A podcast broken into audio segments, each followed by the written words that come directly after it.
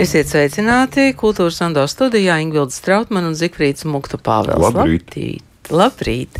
Mēs esam satikušies atkal pēc uh, dziesmu svētkiem. Dziesmu svētki arī varētu būt uh, viena no tēmām, par kurām mēs runāsim, bet uh, man prieks, ka šeit studijā ir Elbas koncerts zāles goda eģelniece Iveta Apkalna. Sveiki, Iveta! Labrīt! Bet, uh, protams, ka tas notikums uh, ir iespēja sagaidīt saulēku dzintaru pludmalē, kur uh, Iveta spēlēs uh, ērģeles. Tas ir īpaši. Par to mēs runāsim. Par to mēs runāsim, Un es jā. joprojām ar kaunu noduru galvu, ka neesmu bijis liecinieks. Tikai bauma līmenī klausos un klausos un klausos. Tev ir iespēja.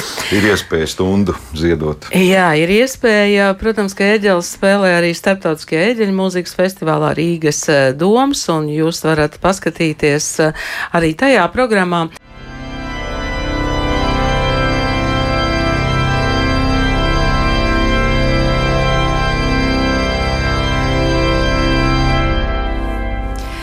Un tā mūsu studijā ir Elbas koncerts zāles goda eģelniece Iveta Apkalna, un uh, mēs šeit visi esam uz to, jo tā kā Iveta klausās Latvijas rādio, tad mēs droši vien esam tā kā tādi um, ģimenes draugi mazliet, jā? Nu, es ar jums tiekos katru dienu.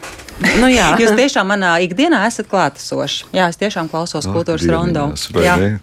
Labi, mēs pie, pie lietas. Mēs tikko klausījāmies Filipa Glāsa mūziku, Satya Graha. Man jālūdz komentārs, jo izlasot to, ka Saulēkta koncertā būs šis um, skaņdarbs, tad es no sākuma domāju, pagaidām, Filips Glāsa, ērģelis, Saulēkts un kaut tā grūti to visu tā. Varbūt mazliet par to, kas ir šis, un pēc tam pie nākamajiem. Nu, ir ļoti interesanti. Dzīvē nav nejaušības un sakritības, bet tiešām kaut kādas loģiskas uh, ķēdes. Un tieši tas, ka jūs šodien atskaņojāt ēterā satiegrahu, tam ir vēl viens ļoti būtisks, um, varbūt tāds zīmīgs manas dzīves, ja manas biogrāfijas pieminēšanas vērts fakts. Vakar es svinēju savas nu, tādas skatuves darbības 20. Gadskārtu, jo tieši 13. jūlijā, pirms di, di, 20 gadiem, tiešām izklausās diezgan liels tas cipars, bet tieši pirms 20 gadiem, 13. jūlijā, Študgartē risinājās koncerts, kuru tieši uh, ieskaņoja dzīvajā koncerta ierakstā, ieskaņoja um, uh, kompaktdisku firma Hera un arī izdeva to diskā. Un lūk, no šī momenta, no šī brīža, principā sākās man tāda ļoti aktīva un ļoti arī eh, piesātināta un kvantitatīvi pilna un pilnskanīga eģelnieces koncerta dzīve. Bet kāpēc Satyagraha? Un jo Satyagraha šai koncertā eh, izskanēja piedevās. Un šis bija tas gadījums, kad patiesībā tā bija mana veida lūkšana caur šo mūziku. Um, turpināt savā dzīvē pēc studijām, kuras nu pat bija pabeigtas mēnesi pirms šī koncerta. Turpināt darīt to, ko es vienmēr esmu ļoti gribējusi, mīlējusi, cerējusi, un ar šo piepildīt ne tikai savu dzīvi, bet arī savu klausītāju ikdienu. Un uh, Satyagraha izvērtās ne tikai kā tāds piedevs skaņdarbs, bet šīs brīdis bija patiesībā visa koncerta kulminācija.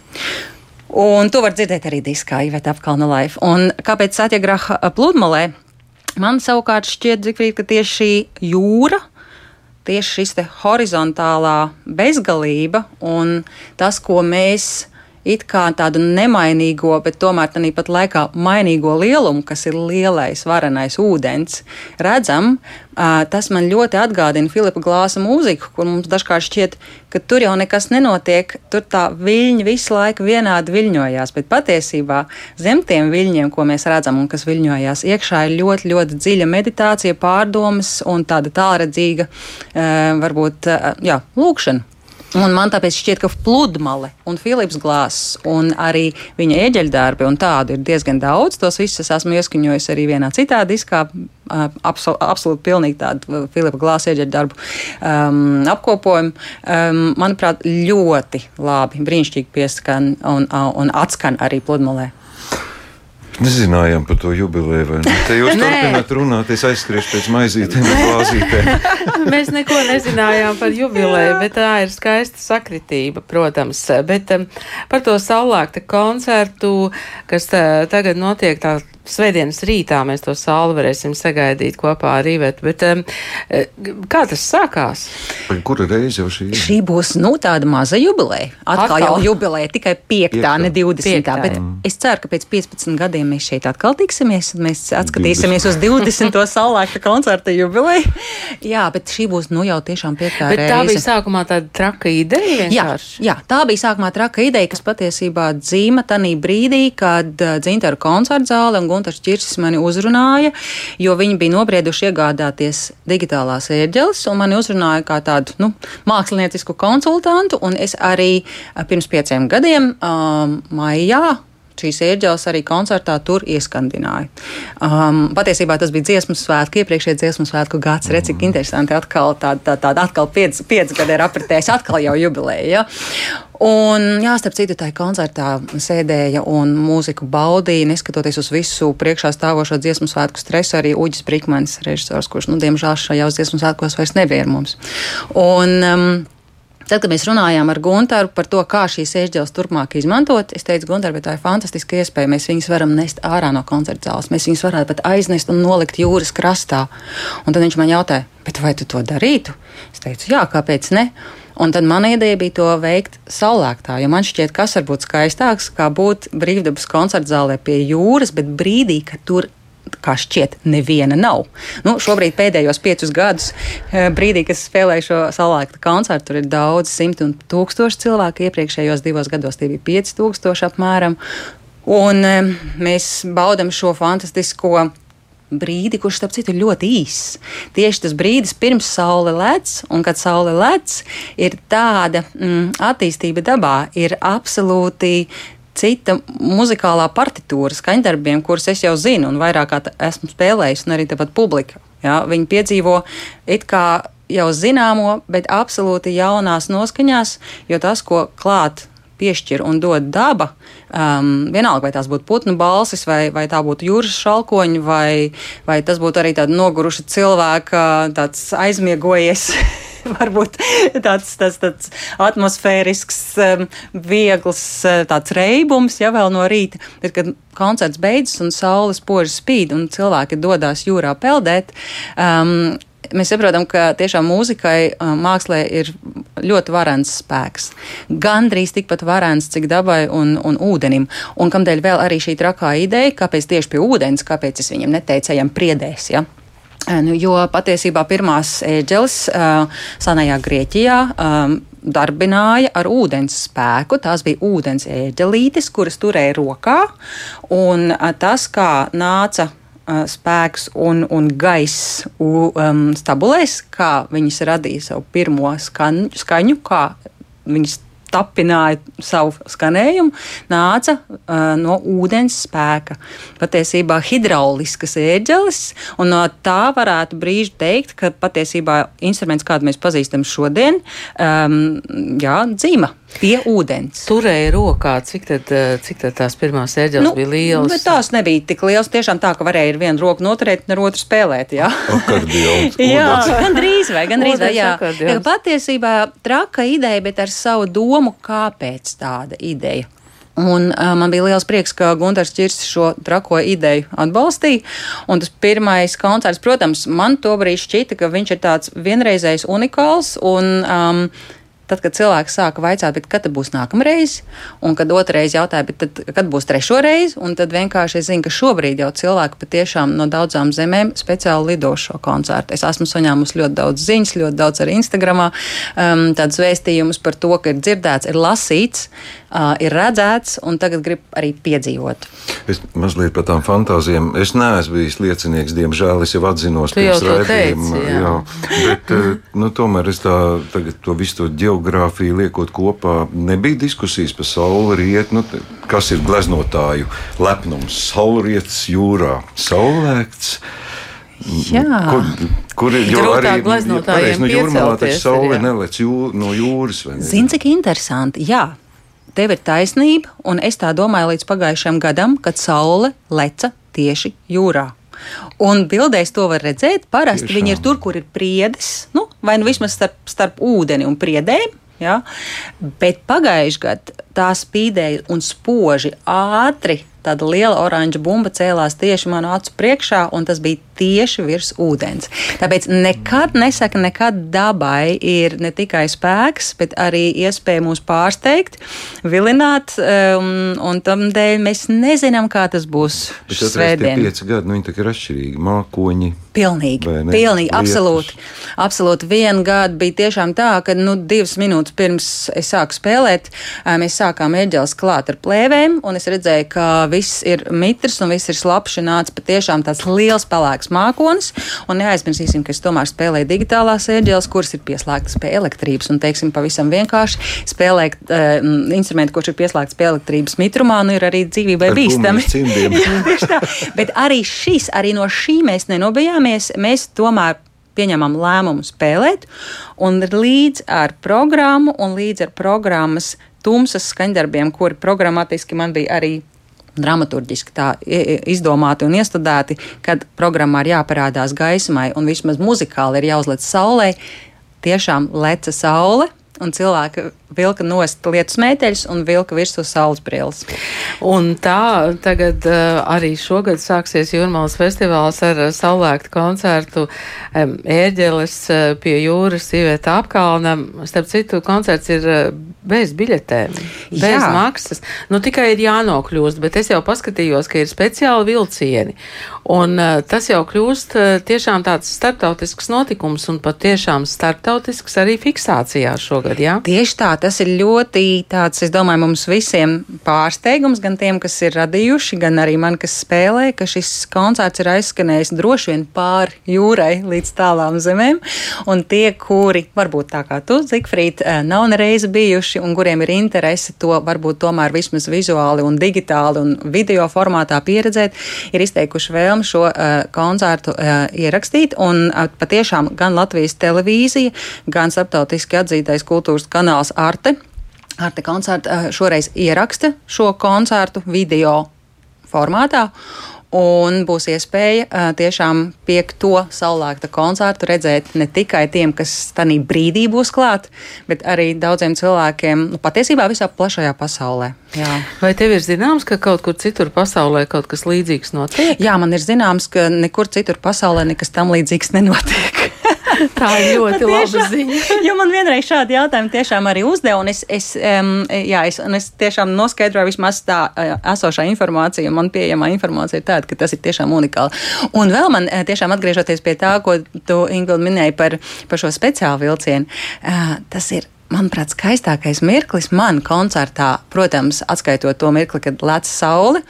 Un, kad man ir jāuzmanās neraudzīties tieši saulē virsū, jo tā apžilbina, un tad es vairs neredzu nocis. Bet skaistākais mirklis koncertā ir tad, kad no vilciena izlien aizmiegojušies cilvēki. Un tādā nu, mazliet arī dziesmu svētku gājienam, līdzīgā gājienā, pulkstenis nu, patiesībā četri 4.15, 4.20 dodas uz pludmali. Viņi visi ir ļoti klusiņi un var tikai dzirdēt tādus solīšus.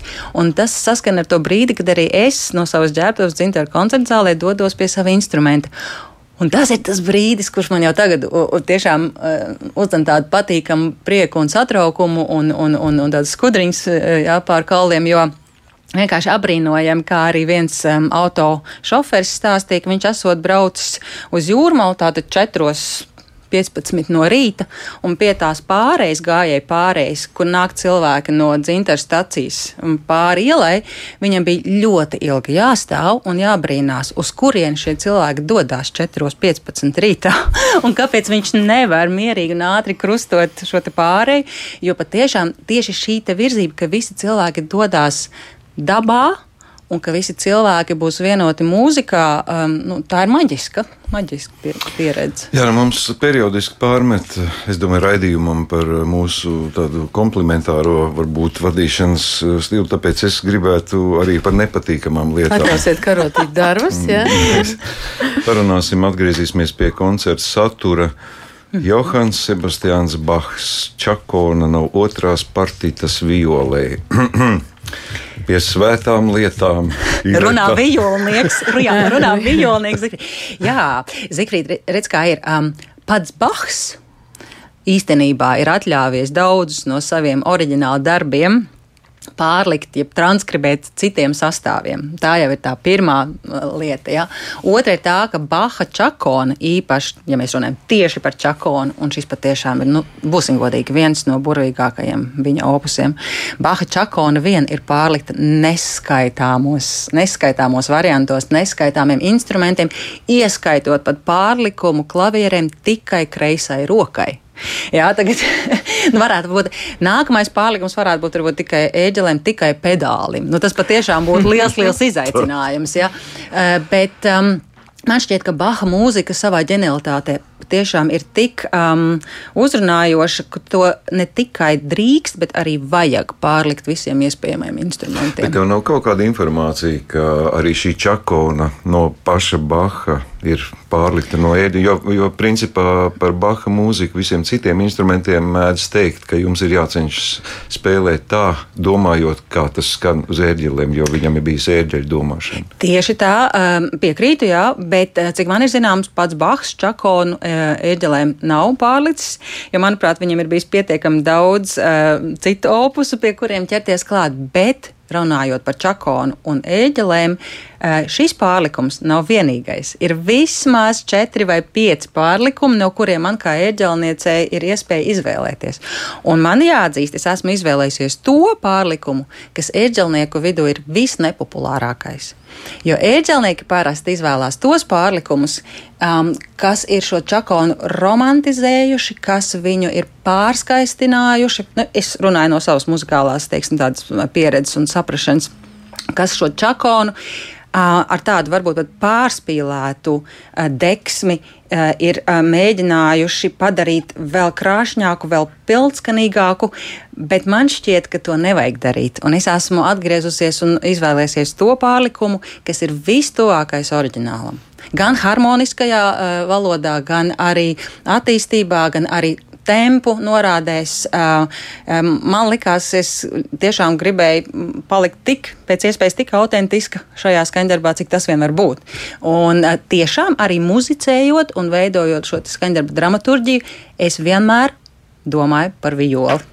Tomēr, ot, atgriezīsies. Nu, jā, labi, to visu varēs dzirdēt. Piedos tev vismaz tāpēc, ka ir šāda izvēle.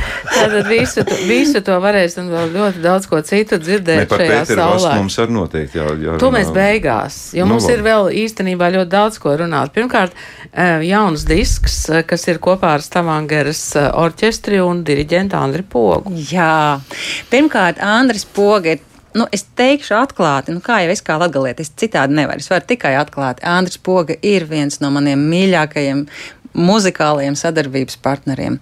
Mēs ar Andru Pogu saprotamies bez daudz ierunām un sarunām, un mēs muzikāli raugāmies vienā virzienā, un ne tikai vienā muzikālajā stilistikā, bet patiešām ļoti plašā stilistikā. Un, uh, es zināju, ka sadarbība ar Andriu lai kur tā būtu, starp citu, mūsu pirmā sadarbība nemaz nebija Latvijā. Mūs nejauši salika divas aģentūras kopā vienā projektā Francijā. Es ar Andriu iepazinos un pirmo koncertu spēlēju Francijā. Nu, lūk, un tam pa vidu ir bijis ļoti daudz uh, dažādu koncertu. Un tas, ka Andris šobrīd ir brīnišķīgās Tavangers simfoniskā orķestra mākslinieckais vadītājs, galvenais diriģents, manuprāt, mums arī ir jānovērtē un jānovērt, jānovērtē ne par zemu, jo tas, kā Andris tur strādā un kā Andri tur ciena un mīl, un tas, ko viņš jau visu ir paspējis šai laikā tur paveikt, ir tiešām abrīnas vērts. Un, um, Tieši pirms gada, jūnijā, tapa šis ieraksts, tika laists klajā šī gada aprīlī. Un um, atkal jau mēs nekur tālu no ūdens neesam aizgājuši. Uh, diska nosaukums ir Okeānik, um, kur visiem skaņdarbiem ir okeāna tēma, kur ir bērna Riharda Deutsche, austriešu komponista koncerts ieģelēm ar orķestri uh, Okeānos, uh, kur ir četras daļas, kur katra daļa um, apspēlē un izstāsta kādu no spēcīgajiem dabas elementiem - ūdens, zeme, gaiss un uguns ir Erika Ešenvalda man veltītais eģeļu koncerts Okeāna valsts. Ērikam uh, nav grieķu mitoloģija un elementi, bet Ērikam Bahs ir nevis tikai strautiņš, kā viņa uzvārds tulkojumā nozīmē Bach, bet Ēriks vienmēr teicis, ka viņam Bahs ir okeāns. Un tāpēc arī skaņdarbs sākas ar Baha vispopulārākā skaņdarba citāta, tokātas un fūgas reminorā izsaucienu. Un Andris un es bijām šī uh, opusa pirmatskaņotāji, tad, kad Rīga bija kultūras galvaspilsēta. Uh, un mēs pirmatskaņojam šo skaņdarbu Rīgas domā. Un tad, protams, arī vēl divi orķestra skaņdarbi. Sibēlijas okeānīdas un, un Ravela laiva okeānā.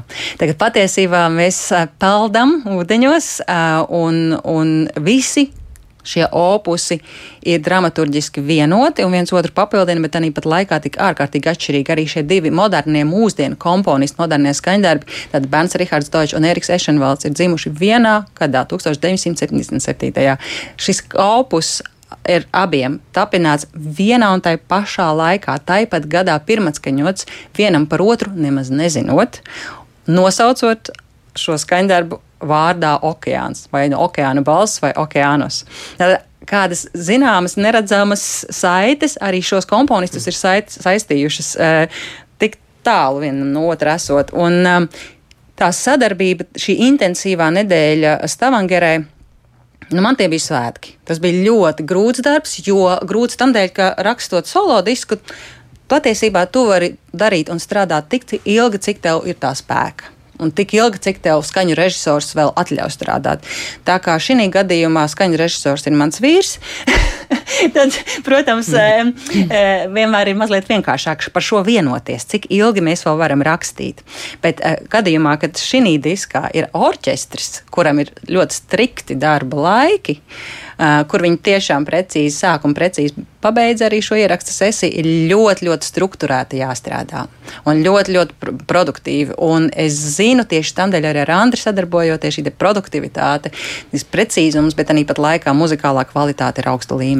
Es domāju, par sadarbību ar muzeķiem varbūt tu tā krāšņi visu raksturoja ar Andri Pogu, bet nu, man liekas, ērģelnieki jau gēnu līmenī tiek audzināti apziņā, zemapziņā jūs pārvaldat un muzicējat ar mūzikas instrumentu karali vai karalieni, mm. kā nu kurš to. Un uh, savulaik runājot arī ar Andri Pogu, viņam uh, ir diezgan tādi, es neteikšu konservatīvi, bet diezgan spēcīgi uzstādījumi, ar ko viņš spēj saprasties muzikāli. Kā, kas ir tas pamats? Jūs ir kaut kādas tās runāšanas, vai sarunas, viedokļi, vai tā mm. ir mhm. tikai mūzika, kur jūs absolūti vienojaties? Manuprāt, ir eh, ļoti precīzi tas, ko tu saki, Zifrīd, jo eh, mēs ēģelnieki domājam orķestrāli. Patiesībā mēs spēlējam orķestri. Ja tā padomā, kas un ir ērģelis, ērģelis ir orķestris. Simfoniskais orķestris. Jā. un tieši tam dēļ ļoti labs jautājums, ko man uzdeva. Tieši šī iemesla dēļ daudz diriģenti un daudz orķestri cenšas izvairīties no otra orķestra, kurš ir ērģelis. Tāpēc, ja tu runāsi ar, ar diriģentiem, tu pamanīsi, ka nekurš katrs labprāt spēlē ar ērģelēm, jo tā ir tiešām tāda arī sava ego, eh, mazliet nostādīšana citā līmenī, sava ego kā diriģenta nostādīšana ja, blakus ērģelniekam liekam, jo ēģelis ir orķestris. Un atkal citiem tas ir tieši šis vilinošais spēks. Un runājot un atbildot uz tavu jautājumu, kas ir tas īpašais, kas, teiksim, mūs saista arī gadījumā ar Andri Pogu. Manuprāt, es apbrīnoju Andra kvalitāti, kas man personīgi pašai ir ļoti, ļoti būtiska un ko es cenšos attīstīt sev un sevī. Tā ir ļoti augstas raudzes, precīza, profesionāla, nošu materiāla iestudēšana. Tagad, kad es to saku, šķistu, nu kas tur tāds īpašs skaidrs, ka visi iemācās pareizas notis. Bet, godīgi sakot, ne visi mūziķi tiešām izlasa, kas notīs ir rakstīts. Nē, nē. Ja, un, tieši, un tas, kā Andris uh, sagatavo um, partitūras, tas, cik precīzi un cik ļoti labi sagatavots viņš nāk pie orķestra, ir apbrīnas vērts. Un es domāju, tas mūs arī vieno. Mm, jo mēs abi esam pret sevi ārkārtīgi prasīgi, un mēs abi arī esam ļoti, ļoti tādā labā nozīmē piņķerīgi, kad mēs lasām nošu materiālu. Piemēram, es arī mācoties skaņdarbs eģelēm ar orķestri, es uh, mācos un iestudēju arī partitūru. Es nemācos tikai savu partiju, jo tas ir ārkārtīgi svarīgi zināt, kas notiek arī orķestrī. Ja? Un es nedomāju, ka katrs solis vienmēr to arī dara. Un es domāju, mēs viens otru šādā veidā jūtam, mēs zinām, ka tas otrs zina. Hmm. Un tad mums vairs par to nav jārunā, kas būtu jāzina. Tikai ir runa par, par to, ko jūt un kā to, ko mēs jūtam, nodot klausītājiem. Sakot, džēza mūzikai te nav nekāds. Es atceros, ka Andris Poga bija strādājis ar Neapolis simfonisko orķestri. Viņš bija maigi izsakoties sašuts. Viņš saka, kā tur viņi nāk vīnu pudelēm un, un maizītēm un jā, kaut ko piespēlēt. Var to saukt par konservatīvu. Jā, varbūt mēs abi esam konservatīvi, bet man liekas, ka tas ir, tā ir pozitīva kvalitātes zīme. Ivet, tu teici, ka savulaik Saulēkta koncerts ir tavs uh, personiskais sezonas noslēgums, mm. bet uh, tad, kad mēs sazinājāmies iepriekš par, par iespējām uh, šeit studijā sarunāties, um, tev bija viens arguments, ka 12. es saprotu, 12. jūlijā beidzas skola bērniem mm, Vācijā.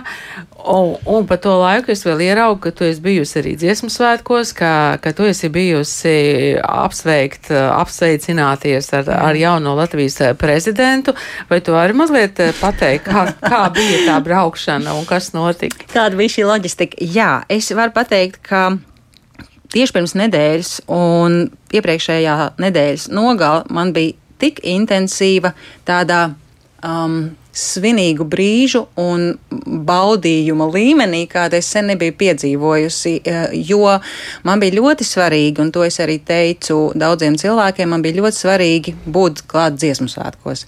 Diemžēl šogad es tajos eh, nepiedalījos, Ēģelis diemžēl nebija šoreiz programmā. Uh, varbūt nākamreiz būs atkal, bet šoreiz tas tā nebija. Ir bijušas. Ir ne? bijušas no, tieši pie pagājušā reizē. Tā bija Uģa Brikmeņa lielā, mm. lielā uh, sapņu piepildījums, jā, Eģels meža parka izstrādē.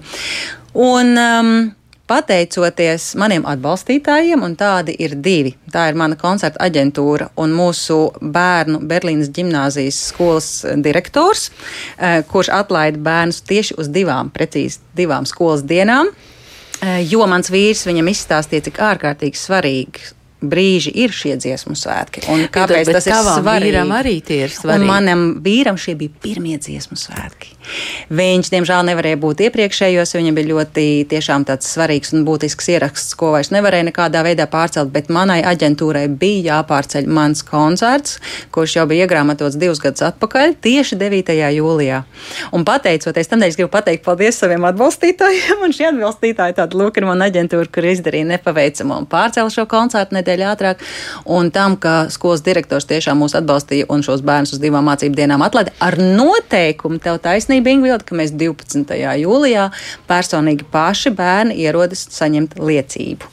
Un tāpēc mēs lidojām atpakaļ, lai šo liecību saņemtu, un vakar atgriezāmies Latvijā uh, uz mana sezonas noslēgumu salāktu koncertu, pēc kur tad es iešu tādā pelnītā atpūtā, bet uh, es tomēr gribētu pieminēt vēl to iepriekšējā nedēļas nogali, jo tā bija ļoti intensīva un man emocionāli tik piepildīta, ka ar šo es varētu dzīvot vēl ilgi, jo es biju gan koncertā Tīrums, gan Deju svētku noslēguma koncertā Mūžīgais dzinējs, um, gan noslēguma koncertā kopā augšu kopā ar savu ģimeni, kas man bija vislielākais tāds emocionālais pārdzīvojums, gan es arī um, biju klāt festivālā Rīgas ritmi leģendārajā maestro un simfonieta Rīga koncertā tepat Rīgas doma dārzā.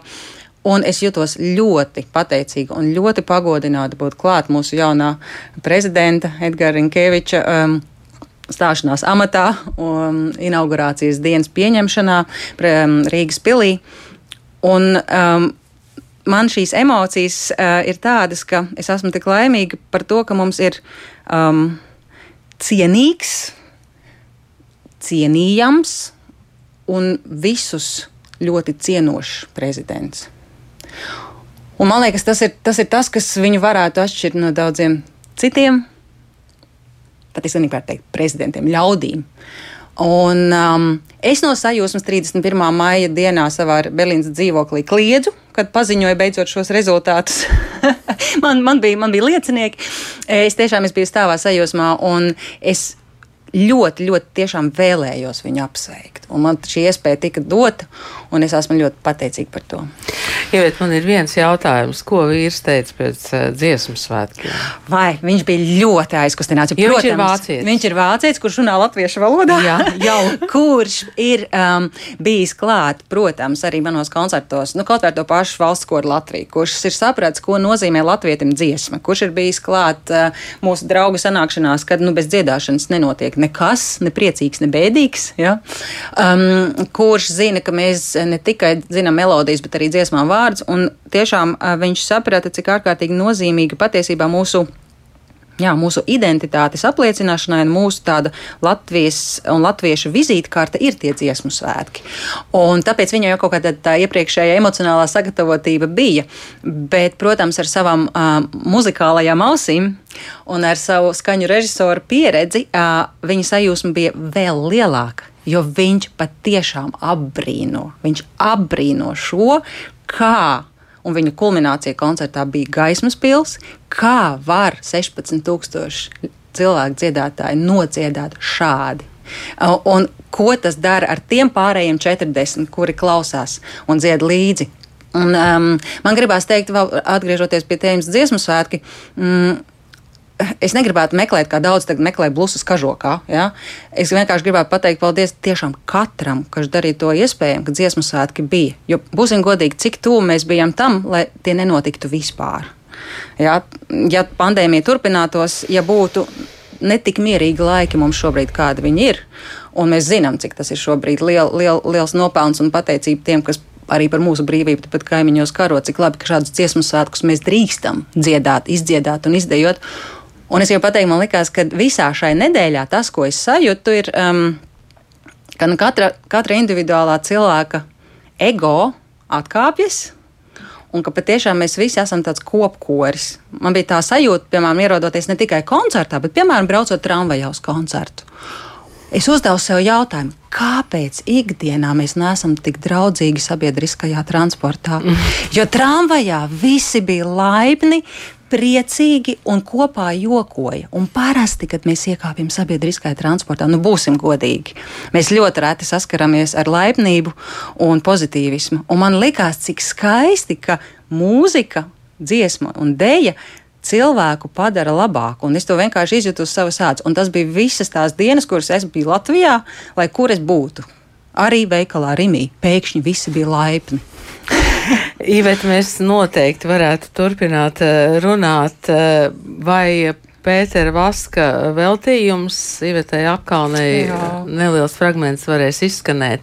Un tiksimies saulēktā studijā Elbas eh, koncerts zāles godēģelniece Iveta apkalna. Paldies! Paldies!